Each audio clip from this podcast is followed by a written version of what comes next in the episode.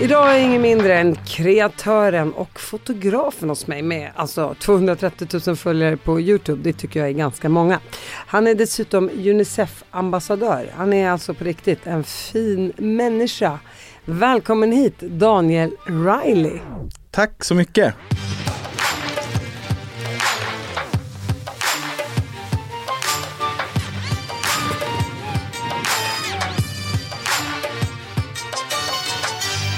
Innan vi kommer in på hela din karriär här. Jag vet att du har jobbat med varenda tv-program och du har säkert hur mycket eh, hemlisar som helst om alla kändisar i det här landet. Innan det så vill jag gärna höra lite grann om din uppväxt. Oj, min uppväxt. Du är inte helt svensk ja. heller va? Eh, halvjamaican är jag. Du ser, sexigt, ja, sexigt. Exakt. Så du kan vicka på rumpan med andra ord? Pappa är faktiskt eh, salsa-lärare så att eh, man har ju varit på x antal salsa-träningar. Eh, sådär. Inte, var inte så populärt när man var yngre. Då var man mest eh, trött på vad ens föräldrar höll på med. Sådär. Men... Kan du prata jamaikansk engelska? Då? Alltså så fort min pappa började prata den jamaikanska engelskan, jag fattar inte mycket alltså. Eh, kan, kan, du, kan du säga en mening som man brukar säga som du tycker låter som sylt i mina öron? Alltså jag kan jag önskar verkligen att jag kunde det. Men alltså så här, när det kommer till den jamaicanska sidan av mig, jag har det i blodet. Men annars så är jag liksom den största svennen totalt verkligen. Imagine the softest sheets you've ever felt. Now imagine them getting even softer over time. That's what you'll feel with Bowl and Branch's organic cotton sheets. In a recent customer survey, 96% replied that Bowl and Branch sheets get softer with every wash. Start getting your best night's sleep in these sheets that get softer and softer for years to come. Try their sheets with a 30-night guarantee. Plus, get 15% off your first order at bowlandbranch.com. Code BUTTERY. Exclusions apply. See site for details. Millions of people have lost weight with personalized plans from Noom, like Evan, who can't stand salads and still lost 50 pounds. Salads, generally, for most people, are the easy button, right? For me, that wasn't an option. I never really was a salad guy. That's just not who I am. But Noom worked for me. Get your personalized plan today at Noom.com. Real Noom user compensated to provide their story. In four weeks, the typical Noom user can expect to lose one to two pounds per week. Individual results may vary. Okej, okay, och berätta om din uppväxt så vi vill höra varför du har blivit den värsta svennen. Ja, men jag har ju framförallt vuxit upp med min mamma eh, i Sverige. Ehm, eh, började växa upp, eh, född i Jönköping, bodde lite i Norrköping och sen så ja, men började med min uppväxt kanske eh, i, i Hässelby i Stockholm. Och där bodde jag tills jag eh, började fyran, femman, så där man kommer till mellanstadiet. Och då flyttade vi upp hela familjen upp till eh, eh, Dalarna. Så jag brukar säga att jag är uppväxt i Dalarna. Det var där man liksom växte och blev en människa, om man säger så. Så att du började i Småland, sen i Stockholm och sen flyttade ni till Dalarna? Ja, och Varför? så flyttade jag tillbaka också sen när jag började gymnasiet. Så jag har flyttat ganska mycket. Har du någon gång blivit mobbad på grund av din hudfärg? Jag tänker i Småland eller i Dalarna? Det har jag ju blivit. Och, men jag pratade med en kompis eh, eh för ett litet tag sedan och det var lite intressant där att att jag är ju uppväxt i Orsa. Jag var ju den enda typ mörkhyade, i alla fall på min mellanstadieskola. Eh, när jag började högstadiet fanns det en annan kille som var från Hawaii där liksom. Så här. Men, och därför har det ju blivit så att man har ju stuckit ut på det sättet. Så att jag kommer ihåg första gången eh, som jag har så ett starkt minne, det var ju typ när man gick på ja, men, alltså dagis eller så här. Och det var en, en unge som gick omkring och uh, sa Hitler och sådär liksom och typ heilade. Var det här i Småland då? Nej det var i Stockholm. Det var i var Stockholm? Oj ja. Och jag men vad vet de om Hitler när de går på dagis? Tänker jag. Nej men det var ju det, alltså självklart så var ju inte den personen en rasist utan det, och det är lite så jag har sett det generellt sett att när man är barn då vill man hitta, när man vill reta någon, då vill man hitta någonting som gör ont och då spelar det inte riktigt någon roll ifall personen är tjock, har en annan eh, hudfärg eller eh, extra lång. Alltså de försöker bara hitta någonting som personen sticker ut på och försöker trycka på de punkterna liksom. Hade du, men det känns på. ändå som att du kanske hade mycket vänner ändå i det här. Så är det ju också. Alltså jag har ju alltid haft ett bra stöd från klasskompisar och sådär liksom. Eh, och då är det väl kanske lättare att bemöta den typen av grejer när man känner sig trygg rent allmänt liksom. Och fick din mamma barn med sin nya svenska man? Ja, stämmer bra. Så Exakt. att du är det enda barnet från din jamaicanska, Ja, jag har pappa. faktiskt en, en syster på pappas sida också såhär. fast med en annan kvinna? Fast med en annan kvinna. Så att när jag är uppväxt jag, jag tänkte vi pratar ju ändå Jamaica nu. Ja, ja, ja, du tänkte ja, exakt. Men så när jag är uppväxt, då är jag uppväxt med min, med min lillebror, min mamma och min svenska pappa. Så att säga. Det var så jag växte upp. Hur länge växte du upp med din bror? Eh, men det skilde sex år mellan oss, eh, så att säga. Eh, så att, eh, ja, men jag kommer ihåg när han kom att man var ju väldigt, väldigt stolt storebror, eh, verkligen sådär. Ehm, och sen så blev det ju att, att vi bodde ju då tillsammans fram tills att jag egentligen flyttade hemifrån. Jag flyttade hemifrån när jag var 18 eh, för att Eh, mamma och så bodde på en ö och jag började jobba med TV väldigt tidigt och det var ofta sena kvällar och då gick det inte att åka till den här ön för att färjan slutade gå vid 10 på kvällen liksom. Ja, men så jag växte liksom upp i Orsa eh, och sådär och sen så var det dags för gymnasiet och jag var ju en sån person att jag, jag visste väldigt tydligt vad jag ville och jag ville antingen bli fotograf eller så ville jag bli läkare. Det var det jag hade bestämt mig för. Eh, och i Dalarna så fanns det inte någon möjlighet att plugga båda två. Så att eh, jag fick eh, plats på en skola i Stockholm där jag kunde plugga båda två liksom. Eh, så hela familjen flyttade ner till, till Stockholm. Eh, och eh, ja, bodde vi i Stockholm helt enkelt. Men vad jobbade din mamma med då? Kunde hon bara flytta runt? Ja men det passade väldigt bra för min mamma hade precis blivit utbildad till eh, sjuksköterska. Eh, sådär. Hon hade ju varit eh, utbildad snickare eh, faktiskt eh, en gång i tiden. Eh, men hon hade ombildat sig då till, till sjuksköterska. Eh, så då flyttade hela familjen ner till, till Stockholm och min lillebror eh, hade ju fortfarande vänner i, i Stockholm, liksom så här, barndomsvänner. Eh, så att det var naturligt för honom också att flytta till, till Stockholm. Så. Och sen började du som fotograf ganska snart. Eller Ja. pluggar du det först? Ja, men det har egentligen varit, varit eh, från start. Alltså när jag var eh, 12 år gammal, då hade jag sparat ihop till min första kamera. Eh, så att då gjorde jag och mina vänner, vi gjorde skidfilmer och vi gjorde eh, konstiga eh, spelfilmer och eh, bara var superkreativa.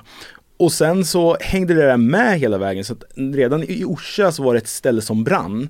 Och jag eh, springer fram till eh, den här platsen, min mamma jobbar på det här ålderdomshemmet och det är stor kalabalik verkligen. De drar ut eh, pensionärer och det är rök och det är brandkår där och allting. Och eh, jag noterar dock en annan sak. Jag noterar att SVT är där och jag har alltid varit fruktansvärt kameraintresserad. Så jag samlar, samlar mod till mig och går fram till den här reporten som står där. Eh, jag 12 år gammal och säger Hej, eh, vad gör du? Liksom, vad, så här, och han förklarar lite vad han gör där och så till slut så säger han att vi ska ha praktik eh, om några månader. Skulle jag kunna få praktisera hos er? Och då ska man tillägga att jag har ju liksom innan det här ringt till tio olika produktionsbolag och alla olika kanaler för jag vill ha en praktikplats inom tv och film som kanske inte var jättestort uppe i Dalarna där då, i lilla Orsa. Eh, och han säger ja. Så att eh, redan i femman så får jag åka och praktisera på SVT i, i Gäv, Gävle, Dala då som det heter, eh, i Falun som det låg. Eh, och så får jag praktisera i Stockholm året därpå. Och det var ju så stort för mig. Efter att liksom praktiken var slut på eftermiddagen, då var jag bara kvar i eh, tv-huset här eh, på Gärdet och bara gick runt i olika studios. Eh, det finns jättemycket fula bilder när jag har ställt upp kameran, jag sitter i programledarstolen och tar bilder liksom. För att det, jag, var, jag var så taggad på att få, få filma och så. Och det hängde liksom med vidare. Så när jag började gymnasiet så mitt emot min skola som låg uppe på Kvarnholmen i Stockholm för de som har koll. Där hade det precis flyttat in en tv-studio. Och jag hade sett när jag gick till och från skolan att det fanns så här parkeringsskyltar, stod så här parkering fredag hela veckan som var ett, ett nöjesprogram då liksom. Och samma sak där så tog jag liksom mod till mig, eh, knackade på den här dörren, ingen öppnade. Jag öppnade dörren själv och gick in och när jag kom in där då kom jag in mitt i ett fikarum och det var full fart. Det var folk som, eh, det var sminköser som var där, det var fotografer och det var någon fikabord och allting. Jag gick fram till någon där som höll på med fikat och bara, eh, jag skulle vilja prata med liksom någon, som, någon som bestämmer här. Fick prata med någon, fick presentera vad jag gjorde och hur jag gjorde och sådär. Och sen till sommaren, det vill säga sommaren mellan att jag var 16 och skulle fylla 17, så blev jag sändningstekniker eh, på de här ordprogrammen, om du minns de som gick. Det var ju så här program som eh, ja, men, ring in 099, eh, vad tror ni att det är för ord och sådär. Och då fick jag sommarjobb där, blev sändningstekniker, så jag hade liksom ansvar för eh, bild eh, mixen, jag var ansvarig för att räkna ut alla tider när reklamavbrotten skulle gå och så. Jag hade kontakten gentemot kanalen, TV4, jag skötte alla kameror och allting. Eh, det gjorde jag som, som sommarjobb. Att de ändå gav dig den friheten. Nej men det känns ju helt sjukt. Alltså skulle jag gjort något fel där, då hade det blivit liksom svart i storfyran. Visserligen på eh, mitt i natten eller på förmiddagen då de här programmen gick. Men alltså. Ja man ska gissa ord och så vidare. Exakt, ska man vinna exakt. 20 000 och så är det ingen som vinner. Men i alla fall, Och det ansvaret var ju egentligen galet att lägga på en, ja men snart 17-åring liksom. Ja, hade du pluggat där då i skolan på gymnasiet något år? Det hade jag ju inte. Eh, utan det var bara... Självlärd? Ja, exakt. Jag tycker, eh, precis, som man säger självlärd. Men jag tycker det är så konstigt när folk säger självlärd, för man lär sig ju alltid av andra. Men, eh, men ja, exakt. Men, men ändå. Men ändå, ingen eh, kurs i alla fall. Och när kom ditt genombrott då? Ja men, Alltså det gick ganska egentligen från att jag var 16 så hade jag egentligen ganska fullt upp. Men först var jag ju kameraassistent så att jag liksom hjälpte till och och fota, eh, hjälpte fotografen liksom på olika sätt. Och så helt plötsligt så satt de där en dag och fotografen var sjuk och jag fick komma in och fota. Men ett av de första projekten där jag liksom jobbade helt som fotograf Det var eh, ett program som hette 112 på liv och död Där man följde liksom polisen och sådär. Och då Lite samma sak där, jag hade sett programmet på tv Det här vill jag jobba med. Ringde upp produktionsbolaget och de sa det att, eh, ja har du gjort någonting förut? Jag bara, ja men jag har filmat det här och det här. Och så fick jag komma dit testa och så blev jag anställd då. Och det var när jag gick ut gymnasiet. Så från där så, det var min första säsong på 112 på liv och död. Sen gjorde jag åtta säsonger utav det programmet. Hur många år sedan var det här? Det här var då 2010. Eh, tror så det är 12 år sedan? Ja. Men, men, öppnade du din YouTube-kanal då redan vilket år? 2000? Jag tror att det var 2017 som jag så, startade Så på sex år har du fått 230 000 följare? Alltså det gick ju väldigt mycket snabbare än så. Alltså jag tror att på jag tror att jag fick de första 150 000 på de tre första, fyra första månaderna eller någonting sånt Och vad gjorde du då? Min första video, det var eh, nära döden upplevelse med Gunilla Persson, hette den. Eh, då jag egentligen satt och berättade om, eh, jag gjorde ganska det mycket i början, jag berättade historier om saker som jag hade upplevt. För att när man jobbar som fotograf, man får uppleva så fruktansvärt mycket saker, eh, verkligen. Behind the camera som jag brukar säga. Behind the camera. Alltså det är verkligen, ja men det är, det är otroligt. Man blir inkastad i så många olika situationer. Ena dagen, ja, men då följer du polisen och får se deras verklighet. Andra dagen kanske du jobbar med ett inslag för för Cancergalan och du får liksom vara med när en person får sin dödsdom. Alltså det är så extremt mycket olika högt och lågt som man får vara med om. Och det gjorde ju att man hade ju fått uppleva väldigt mycket. Så att i början på Youtube så gjorde jag det som man kallar för storytimes. Man sitter och berättar om en händelse och det är det. Och det här var det första klippet som jag la upp och jag tror att den fick 200 000 visningar bara på någon dag, vilket var jättemycket då också. Liksom, så här. Eh, ja, Så att, eh, Och vad det om då Gunilla Persson? Ja, det var om... Och vad eh, hände? Du får ju berätta. Ja, men det som var Du då som pratar att- om storytelling. Storytelling. Ja, men det, det som var då var ju att, att vi, jag visade upp ett inslag då som hade gått i tv när Gunilla Persson kör på en motorväg. Eh, hon är försenad, vilket hon väldigt, väldigt ofta är till saker och ting.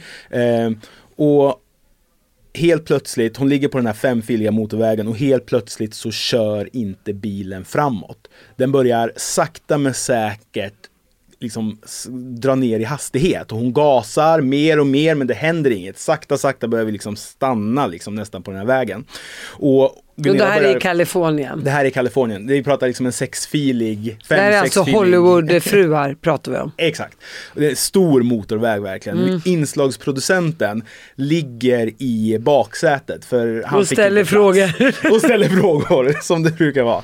Så där är inslagsproducenten. Kan du säga långt- Gunilla hur du mår just nu? Exakt. Vad tänker du på nu Gunilla?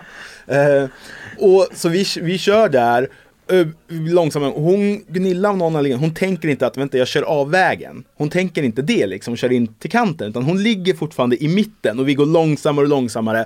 Och liksom långtradare som åker förbi oss hänger på tutan, det är kaos. Vi stackars inslagsproducent som kollar upp där, som ser de här långtradarna som åker emot eh, honom där. Det är, det är panik. Och jag har ju vetat om vad felet är. Det är nämligen så att jag har råkat med mitt knä komma åt växelspaken, växelspaken så att den har gått in i neutral. Så jag sitter där och funderar på hur länge kan vi låta det här hända versus när kommer hon själv upptäcka att det händer. Så det var väl i stort sett storytimen om hur vi... Hur Så vi det så att du såg det redan från början att den var i neutralt läge. Men det tog ett litet tag så att säga, men Ja. jag, jag märkte det långt innan Gunilla och jag tror att resten av bilen också märkte sen ville det. du bara att det skulle hända något i bilen och höra hennes reaktioner. Och... Ja men man vill ju inte avbryta, vi vill ju påverka så lite som möjligt så att säga. Så om nu när jag har råkat påverka, då tar jag ett steg tillbaka. Det var, det var kaos. och när kom hon på det då? Hade- Satt hon och skrek eller vad gjorde hon? Ja men det var liksom We all gonna die. We all gonna die. I'm gassing but the car ain't moving. Det var liksom på den nivån och hon småskrek. Och hon drog i, det var så, hon drog i alla möjliga grejer. Hon liksom började dra ner eh, så här, um, solskyddet som att det skulle lösa någonting. Och hon hade en minst lika hysterisk kvinna i baksätet som försökte lösa det här. Ja, det var kaos. Och det var en av de storytimesen som jag berättade då. För jag frågar, när man sitter där, när du filmar då till exempel Bachelor, som Mm. du obviously har gjort, eh, och de ska hångla eller de ska ligga eller vad det nu än är. Mm. Du måste ju ha filmat sexscener också. Eh, har jag filmat? Nej, sex har jag inte filmat. Nej Än. En sexscen, vad var det då? Eh, men det var ju, eh, det, vi visste inte riktigt att det var sex. Vi fick reda på det efteråt eh, så att säga. Det bara rörde sig under Det, lakanet. det bara rörde sig lite under lakanet, stämmer bra. och, och, och vad var det då? eh, det var ett eh, projekt som eh, jag inte kan prata om. Okej. Okej, så det är pågående. Ja, exakt, exakt. Okej, men när du filmar då när de ligger och knullar som det så fint heter på svenska eller de hånglar. Mm. Vad känner du där bak? Blir du upphetsad själv eller skrattar du eller du bara kör på? Nej men alltså när det är hångelscener så här, jag, Du bara, ja jag blir upphetsad. Nej, men jag är egentligen väldigt överraskad över att man ens kan känna sig så bekväm så man eh, känner sig bekväm att hångla på det sättet. För att det är ju inte riktigt en romantisk stämning oftast liksom. Nej det är ju fyra pers minst som står där runt omkring. Exakt. Inslagsproducenten, fotografen. Ljudtekniker Ja, ja. och vi har liksom en... en Man står där med eh, här från mick ovanför huvuden på dem, så här, så här lång, vad man kallar det för, en pinne Exakt. med någon mick på. Men, men när jag filmade Bachelor, då var ju det också en grej. Alltså så här, de försökte ju hela tiden att köra den här pussen eller det här hånglet eller säga det här när vi inte filmade. Alltså de hade det ju verkligen som, som taktik. Och Bachelorn var ju också lite så här, han var ju medveten så han ville ju liksom inte bli utmålad som liksom en, eh, en player liksom sådär. Så att, så att de liksom gjorde ju det där när de trodde att vi inte filmade. Men vi var ju ganska smarta då, satte upp kamerorna på stativ, stängde av den där lilla tallilampan och sen så gick vi och fikade och sen så, så trodde de att de hade hel eh, free time och sen så fick man ändå det som man ville. Liksom, Så de blev chockade sen när i När tv? den här TV, när det här, vad heter det här, kvinnorna berättar allt och det visar sig att, att det finns mycket mer information än vad de tror. Så att säga. Sanningen som tv-tittarna får se är ju inte den riktiga sanningen ibland heller. men- Eller den är ju ihopklippt, den är ju sann men den är ändå ihopklippt. Ja, men exakt. Jag brukar säga så här att, att, att det som man gör när man gör tv är ju att förstärka saker. Det är det, alltså man lägger man på en viss musik så förstärker man känslorna. Så man utgår alltid ifrån det som är sant men man kan ju alltid förstärka saker. Min, min kära mor var ju med i Farmen eh, en gång i tiden så här, och då vet jag att det var framförallt ett sig när hon liksom Hon var med samma år som Naken-Janne och Kristina var med där. Och då vet jag att det finns så tydligt säg när hon liksom säger så här att Ja, alltså jag orkar inte med Kristina på grund av det här och det här. Klipp. Men sen fortsätter hon. Men jag kan ändå förstå att hon är på det här och det här. Men det har de ju klippt bort liksom så här. Så att återigen, det var ju ändå vad hon sa, men hur man klipper kan man ju verkligen framställa saker på olika sätt. Ja, ja, från att så här, hon är dum i huvudet, men hon är schysst också, så tar du bort men hon är schysst också. Ja, Ja. då är hon ju helt dum i huvudet. Ja, det blir en annan innebörd. Så är det ju. Eh, Det är därför man ska, vad säger man, hålla tungan rätt i mun. Ja. Som det så fint heter. Ja. Hur kommer det sig att din mamma ställer upp i Farmen? ja, hon sökte till Robinson, eh, gjorde hon. Det är coolt. Eh, ja. Det är väl ett av de programmen jag inte skulle kunna tänka mig vara med ja, är det så? Nej men jag vill inte svälta. nej, nej. Men okej, så hon kom inte in. Och hur kom det sig att hon sökte till Robinson och Farmen då? Ja, nej, men hon, hon sökte till Robinson för hon, hon är verkligen en person som gillar utmaningar. Som sagt, hon utbildade sig liksom och gick byggprogrammet, eh, inte vet jag, på 80-talet när ingen kvinna gick bygg. Eh, sådär. Hon har alltid varit en sån person som eh, Ja men utmanar lite granna liksom sådär. Och här såg hon framför sig att hon ville göra Robinson för det var en utmaning.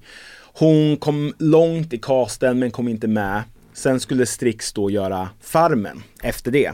Eh, och då frågade de henne om hon ville vara med i det helt enkelt. Och då, ja, då blev det ett ja där. Så Hur gick, hon det, hur gick det i Farmen? Eh, det, det gick ganska bra. Jag var ju liten här. Eh, hon gifte sig på farmen faktiskt. Eh, eh, med min pappa då. Va? Så att säga. Ja. Så, så det finns ett klipp när det var farmen. Jag kom ju dit då till farmen också. Var superintresserad av alla kameror. Men, men stod där i hög hatt och var med på, på bröllopet och sådär. Och det gick bra för henne. Men eh, hon eh, valde faktiskt att lämna farmen efter ett tag. För att hon hade för eh, hög hemlängtan. Helt enkelt. Eh, Men hon gifte sig med din pappa där? ja. Så de träffades på Farmen? Nej, utan han kom också till farmen. Eh, så liksom hela familjen kom till farmen. Ja, ja, okej, och de gifte sig där, men Ja. de var redan ihop. Exakt. Mom deserves the best, and there's no better place to shop for Mother's Day than Whole Foods Market. They're your destination for unbeatable savings, from premium gifts to show-stopping flowers and irresistible desserts. Start by saving 33% with Prime on all body care and candles. Then get a 15-stem bunch of tulips for just $9.99 each with Prime. Round out Mom's menu with festive rosé, irresistible berry chantilly cake, and more special treats. Come celebrate Mother's Day at Whole Foods Market. Hey, it's Ryan Reynolds, and I'm here with Keith, co star of my upcoming film, If, only in theaters, May 17th. Do you want to tell people the big news?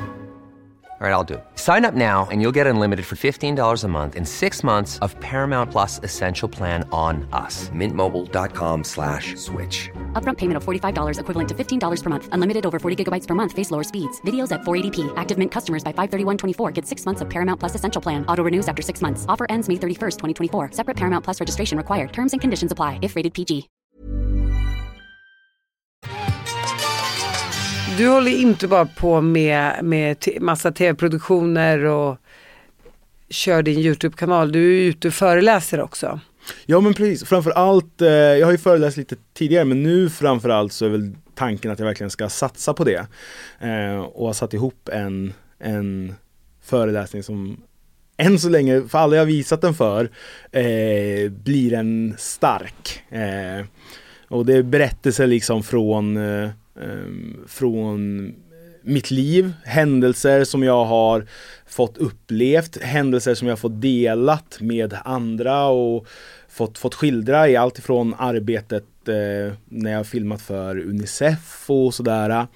Och mina perspektiv på de sakerna. För man har verkligen fått en annan syn på livet. Jag kommer ihåg en av de här resorna hem från en Unicef-resa så kände jag så här, um, och det låter superflummigt, men det var så tydligt för mig att jag kände att jag är nöjd med livet. Skulle jag dö nu så är jag nöjd och sjukt tacksam över allt som jag har fått eh, uppleva.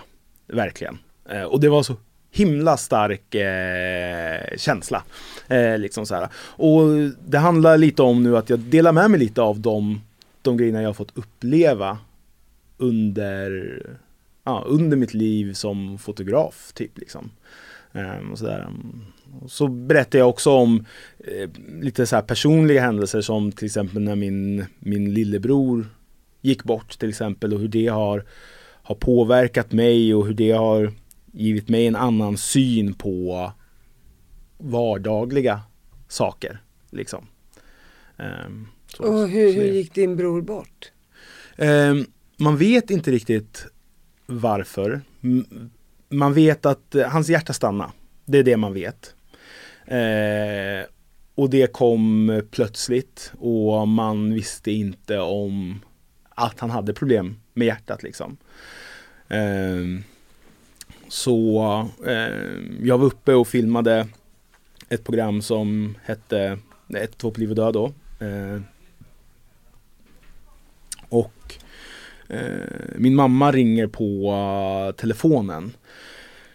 Eh, och jag klickar henne för vi är i en intervju. Eh, och hon ringer igen och jag klickar henne igen och så tar jag upp mobilen och ska jag liksom svara så här, är det någonting viktigt? Men innan jag har hunnit, innan jag har hunnit skicka iväg det så får jag bara ett sms där det står Filip är i respirator, mamma. Um, och Filip var ju då min lillebror så att jag tar ju upp och, och, och ringer henne och får, får reda då på det att, att, hennes, ehm, att hans hjärta har, har stannat och att eh, jag måste ta mig till sjukhuset så snabbt som möjligt för de har fått igång hans hjärta igen. Eh, men de vet inte hur illa det är, hur allvarligt det är liksom. Och jag tar mig till, jag tar mig till Stockholm eh, på bara några timmar senare.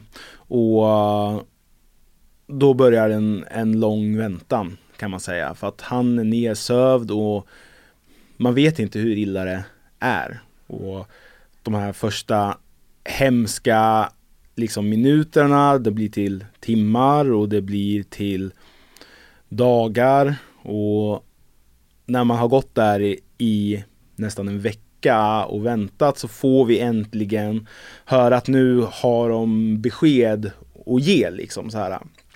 Så att de plockar in eh, min eh, mamma och min pappa och mig i ett rum med den här läkaren då. Eh, och eh, man ser direkt att den här läkaren har inte någonting positivt att säga. Ehm, så han, eh, han säger det att det, det finns inte en, riktigt något mer de kan kan göra eh, så att säga. Hans hjärta slår fortfarande men eh, han finns liksom inte kvar längre.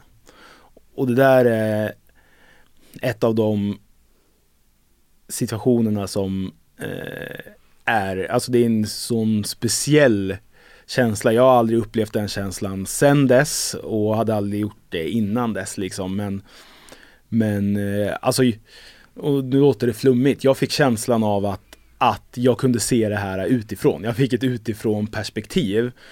Och jag ser och hör min mamma börja gråta och pappa börjar gråta och även den här läkaren börjar gråta. Och jag känner som fruktansvärd sorg.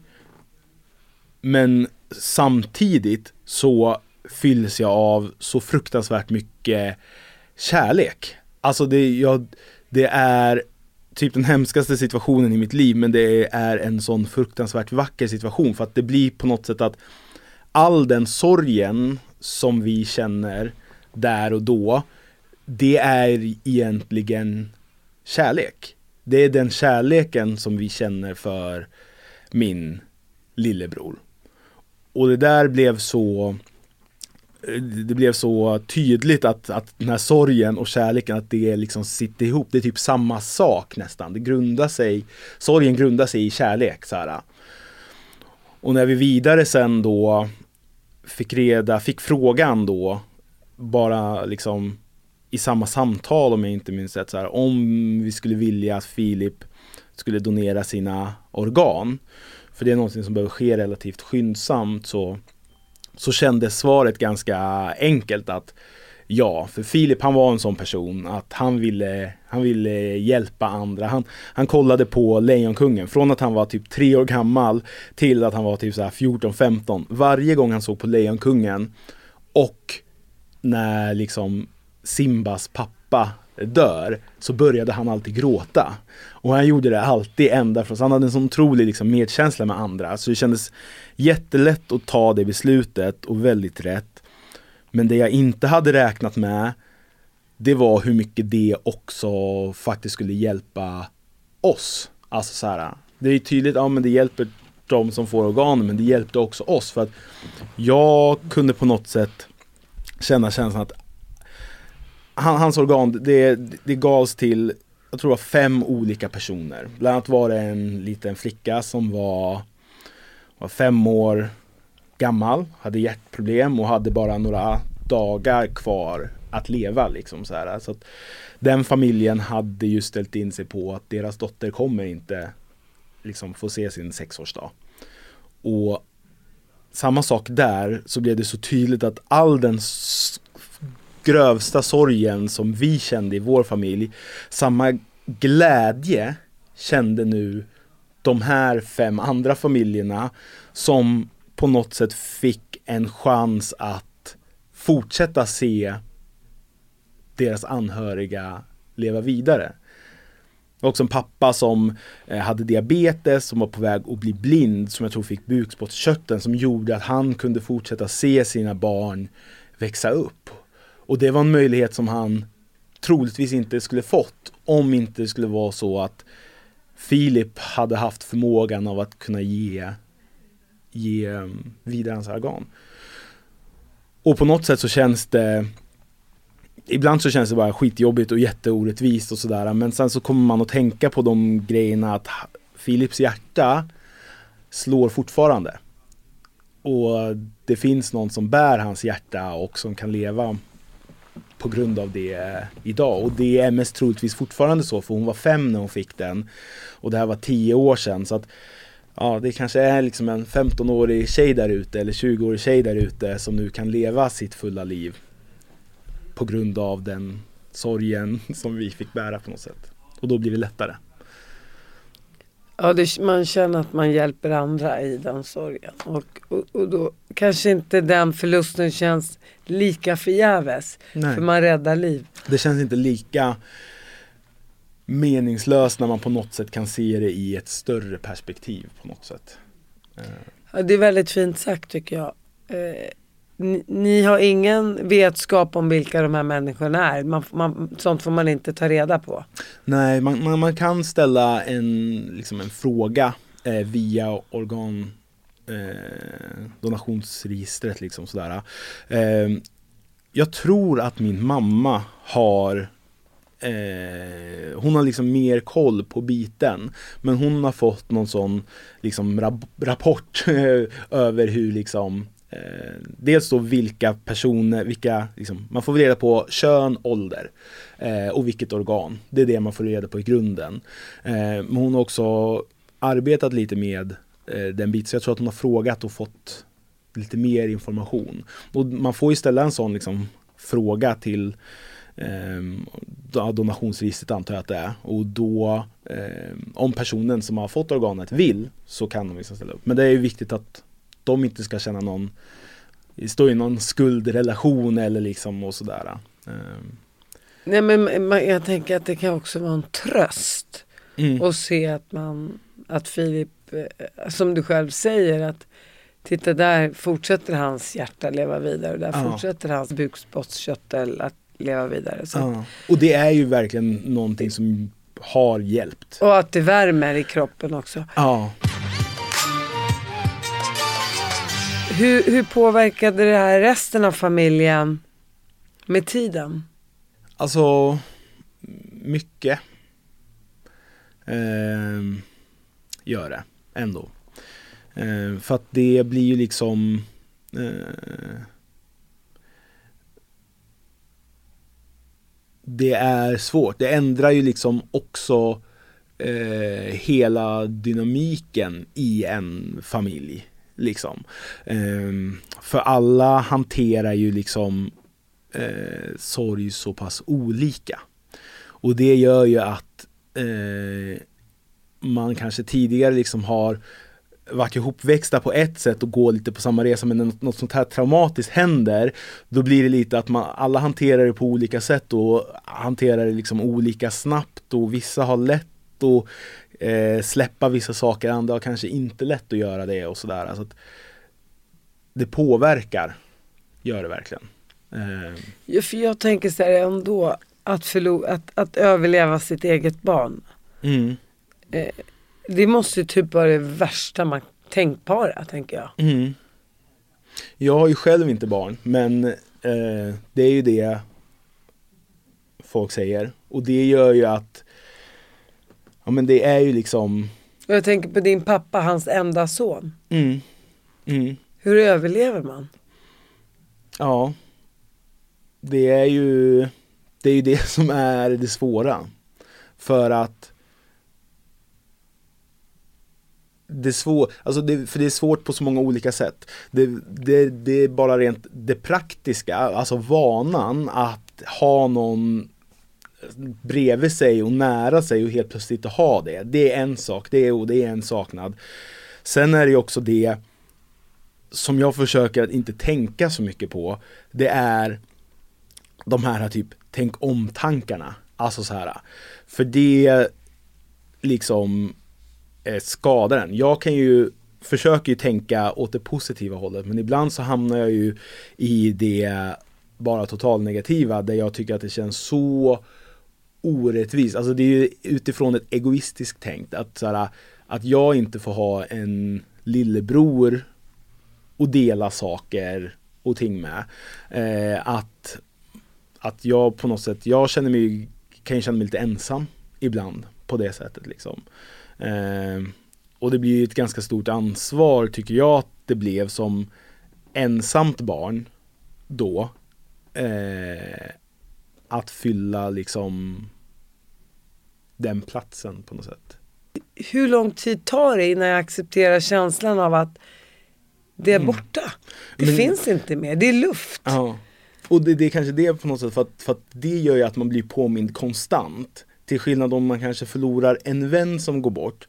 För att en vän kanske du kommer att tänka på ett par gånger om dagen kanske liksom. Medan ett barn som du lever med har... Som du är symbios med, som är en Exakt. del av dig. Exakt. Du kanske tänker, kommer på den tanken liksom en, alltså var tredje minut och självklart blir det ju svårare att hantera det liksom så här. Och sen det jag tyckte var det jobbigaste, det, det var ju på något sätt det här, för, för jag är väldigt, väldigt lösningsorienterad. Jag hittar alltid olika lösningar i vägen, men här finns det ingen lösning. Det finns det, det är så definitivt. Det finns ingenting som kan göra det ogjort eller liksom få min lillebror tillbaka. Det finns, ing, det finns ingenting.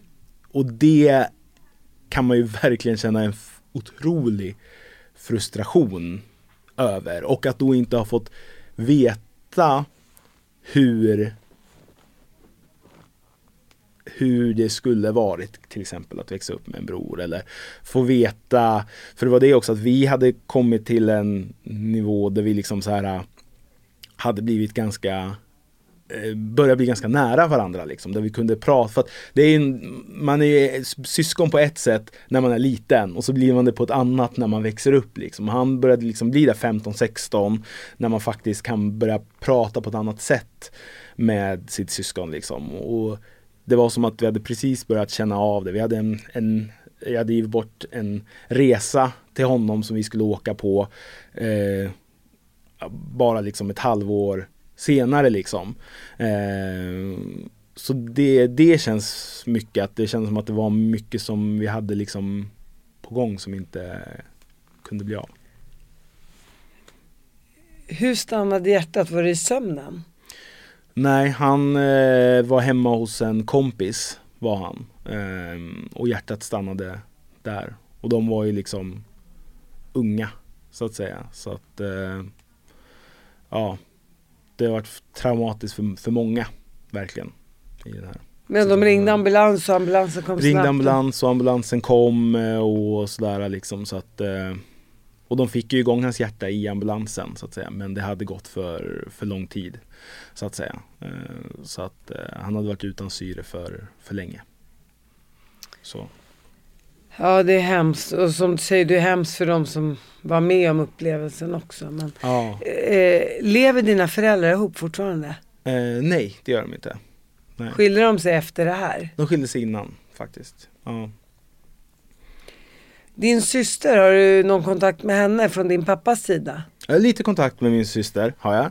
Framförallt så när jag varit iväg och gjort eh, Hollywoodfruar och sådär, då brukar vi alltid ses liksom. Hon är i USA med andra ord? Hon är i USA, stämmer bra. Stämmer bra. I Hollywood. Så, så du har ju en syster där så att säga. Blev det ännu Ja. viktigare för dig att få upp relationen? Vänta, blev det ännu viktigare för dig att få en mer kontinuerlig relation med din syster efter vad som hände med din bror? Mm, nej, inte per se. För att det är verkligen som två helt olika relationer. Verkligen. Eh, jag tror det blir stor skillnad när man växer upp med någon och när man inte växer upp med någon liksom. Eh, på det här sättet. Så att, eh, så att de har, trots att båda är mina syskon och båda är egentligen mina halvsyskon så är det helt olika typer av relationer verkligen så. Det är som du säger återigen vanan att växa upp med någon Ja. kontra va- ovanan. Ja. Eller vad man, hur man ska säga. ja. Har du, en- har du en bra relation med din styvfar idag? Eh, ja, vi har en okej relation. Eh, har vi. Eh, Pratar du ofta med din mamma om din bror? nej, det gör jag inte. Jag generellt sett gillar inte riktigt att prata om min bror på det här sättet. Eh, för att jag, eh, jag tror kanske att det är lite grann att jag tycker att det är jobbigt att bli påmind om det som ändå inte går att förändra på något sätt liksom. Eh, så jag pratar inte så mycket om det generellt sett. Eh, och rent allmänt så jag pratar generellt sett inte så mycket om det. För att det är också, blir också ganska svårt. Det har ju en förmåga att inte direkt göra stämningen i ett rum lättsamt liksom. Eh, och det känns som eh, Ja, jag försöker att inte tänka, för jag, blir, jag tror jag blir lite för, för ledsen och jag tror att det är enkelt att fastna i den här, Tanken. exakt, tänk om om någonting. Men häromdagen så satt jag och just till den här föreläsningen så scrollade jag igenom min telefon. För jag har plockat ut just det smset som min mamma skickade eh, till mig där i juni 2012. 14.58 som smset kom. Och det var jobbigt. Det var jättejobbigt att läsa läsa de smsen och bli påmind om det på det sättet. Liksom. Och det är allt ifrån liksom så här Ja men som läste, läste sms där liksom, eh, kan du inte ringa Filip? Han vill bara prata med dig och liksom bli påmind om de grejerna för då känner man sig också kass att man inte tog tillvara på den tiden som var. Liksom. Eh, Men så kan man inte tänka. Man kan ju inte det. Eller man kan ju det, men det är ju ett Mm. jobbigt sätt att tänka Ja. på. Och Det där, är, det där är demoner i huvudet. Ja. Har du gått i terapi? Mm, inte för det här, ehm, så att säga. Men däremot så har det ju varit stunder då man behövt gå till psykolog och sådär. Eh, då har det mest varit kopplat till de resorna och sådär som man har gjort liksom. Och egentligen kanske man borde gjort det mer för att vi har ju, ja men som jag då, vi, i början när man gjorde de här larm-tv-bitarna till exempel, då var det ju så här att Ja men vi följde ju polisens arbete, exakt vad de gjorde. Eh, vi träffade på liksom en person som hoppat framför tåget, en person som hade tagit sitt liv på ett annat sätt eller någon som har varit med om en extrem olycka eller du vet allt det här. En person som kommer jag kommer ihåg när jag också var, då var jag 18, åkte ut till istället en man som hade, det var bil, eh, eh, byggnation av en bilhall som hade rasat i Uppsala. Mannen låg krossad under den här och de liksom, alltså traumatiska grejer. Och det har alltid varit då, i början så tv kanske inte har alltid varit så omhändertagande av de som jobbar där. För då var det så här, polisen, och då åkte de in på debriefing. Och Och ni då? vi då, vi gjorde kanske inte det. Ni skulle Och- åka hem och äta en pasta? Exakt, och vi hade ju inte ens kanske den utbildningen som polis och så hade. Så det kanske man skulle varit, behövt gjort mer. Men där har det skett en förändring i branschen. Så att jag var i Sydsudan för Unicef och det var, blev lite dramatiskt. Det var sköts på nätterna eh, och vi var tvungna att evakuera från Sydsudan och då blev vi inplockade att nu får ni prata med en psykolog här åtminstone liksom två gånger och så får vi se vad som händer, händer därefter. För det har varit en del, en del historier som har varit ganska tunga eller för en, som har förändrat ens känsla. Eller vad säger som har förändrat en syn kanske och se på världen. Mm, utefter det man har fått uppleva. Eller fått se andra uppleva. Som det också ibland kan vara. Hur är det att vara Unicef-ambassadör?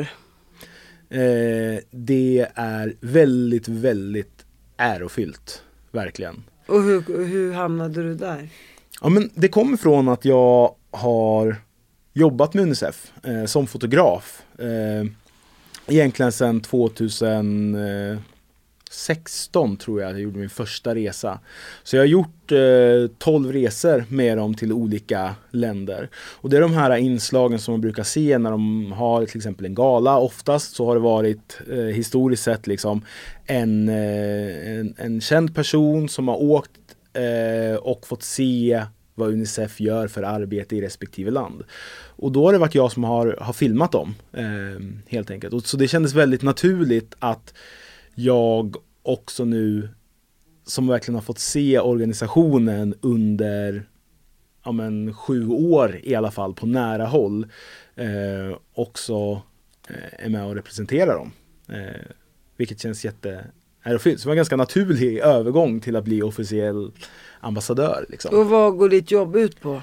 Ja men det är väl framförallt liksom att eh, visa upp Unicefs arbete. Alltså försöka förklara för de som följer mig och de jag kan nå ut till. Alltså hur viktigt deras arbete är. Och kunna Eh, bidra med pengar och så vidare. kunna bidra till insamling och, och sådär. Men så handlar det också om att, att även här i Sverige sprida liksom till unga att om, om deras rättigheter. Eh, så att säga. För det är också viktigt och också ett fokus som Unicef har. Liksom. Eh, man pratar ju väldigt mycket om eh, andra länder där det är väldigt, väldigt stora problem och det är ju absolut stora problem där. Men bara för det så ska vi inte sluta arbeta med de problemen som vi har i Sverige. För här finns det också problem eh, som behöver arbetas med. För vi vill ju alltid gå mot, mot det bättre. Eh, liksom. Och en del i det är ju att upplysa barn och unga så att de vet om vad de har för rättigheter. Liksom, eh, och sådär. Barn och familj? Eh, inget på den fronten. Jag tror att det har varit väldigt svårt att ha, eller det har jag ju upptäckt att det har varit väldigt svårt att ha partner under tiden man jobbat, i alla fall så som jag jobbade för sig två år sedan. Eh, för att man kanske fick intresse för någon, man sågs några gånger liksom och sen så åker jag, ja men jättebra, nu känns det här bra. Eh, jag ska bara åka iväg till Hollywood nu i tre månader och filma Hollywoodfruar. Eh, och så kommer man hem. Och jag kanske ligger med Gunilla Persson. Exakt, alltid varit en överhängande risk där. ja, kommer liksom... kameran vara på då? ja, det. Jag tror att jag kommer nog inte vara närvarande när det händer, tror jag. Men eh, eh men, Åh, vad tog vår kameraman vägen? han drog, vad hände? Han drog av sig brallorna, eller vad säger man? Ja, men så att jag liksom varit, Tog eh, av sig brallorna. han drog av ja, en, Drog ner dem. Ja. Det är en syn. Eh, ja.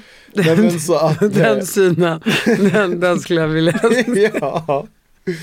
Och, får se det kanske blir säsong, Hollywoodfruar säsong 42. Men du, jag hoppas, jag hoppas lycka till med tjej och barn så att mamma får barnbarn snart. Ja, tackar, tackar. Måste du ge henne, hoppas ja, jag. Ja.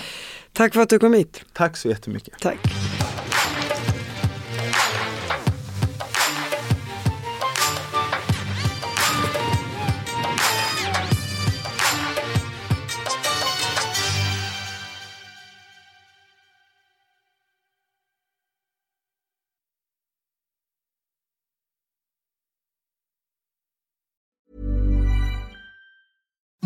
Imagine the softest sheets you've ever felt. Now imagine them getting even softer over time. That's what you'll feel with Bowl and Branch's organic cotton sheets. In a recent customer survey, 96% replied that Bowl and Branch sheets get softer with every wash. Start getting your best night's sleep in these sheets that get softer and softer for years to come. Try their sheets with a 30-night guarantee. Plus, get 15% off your first order at bowlandbranch.com. Code BUTTERY. Exclusions apply. See site for details.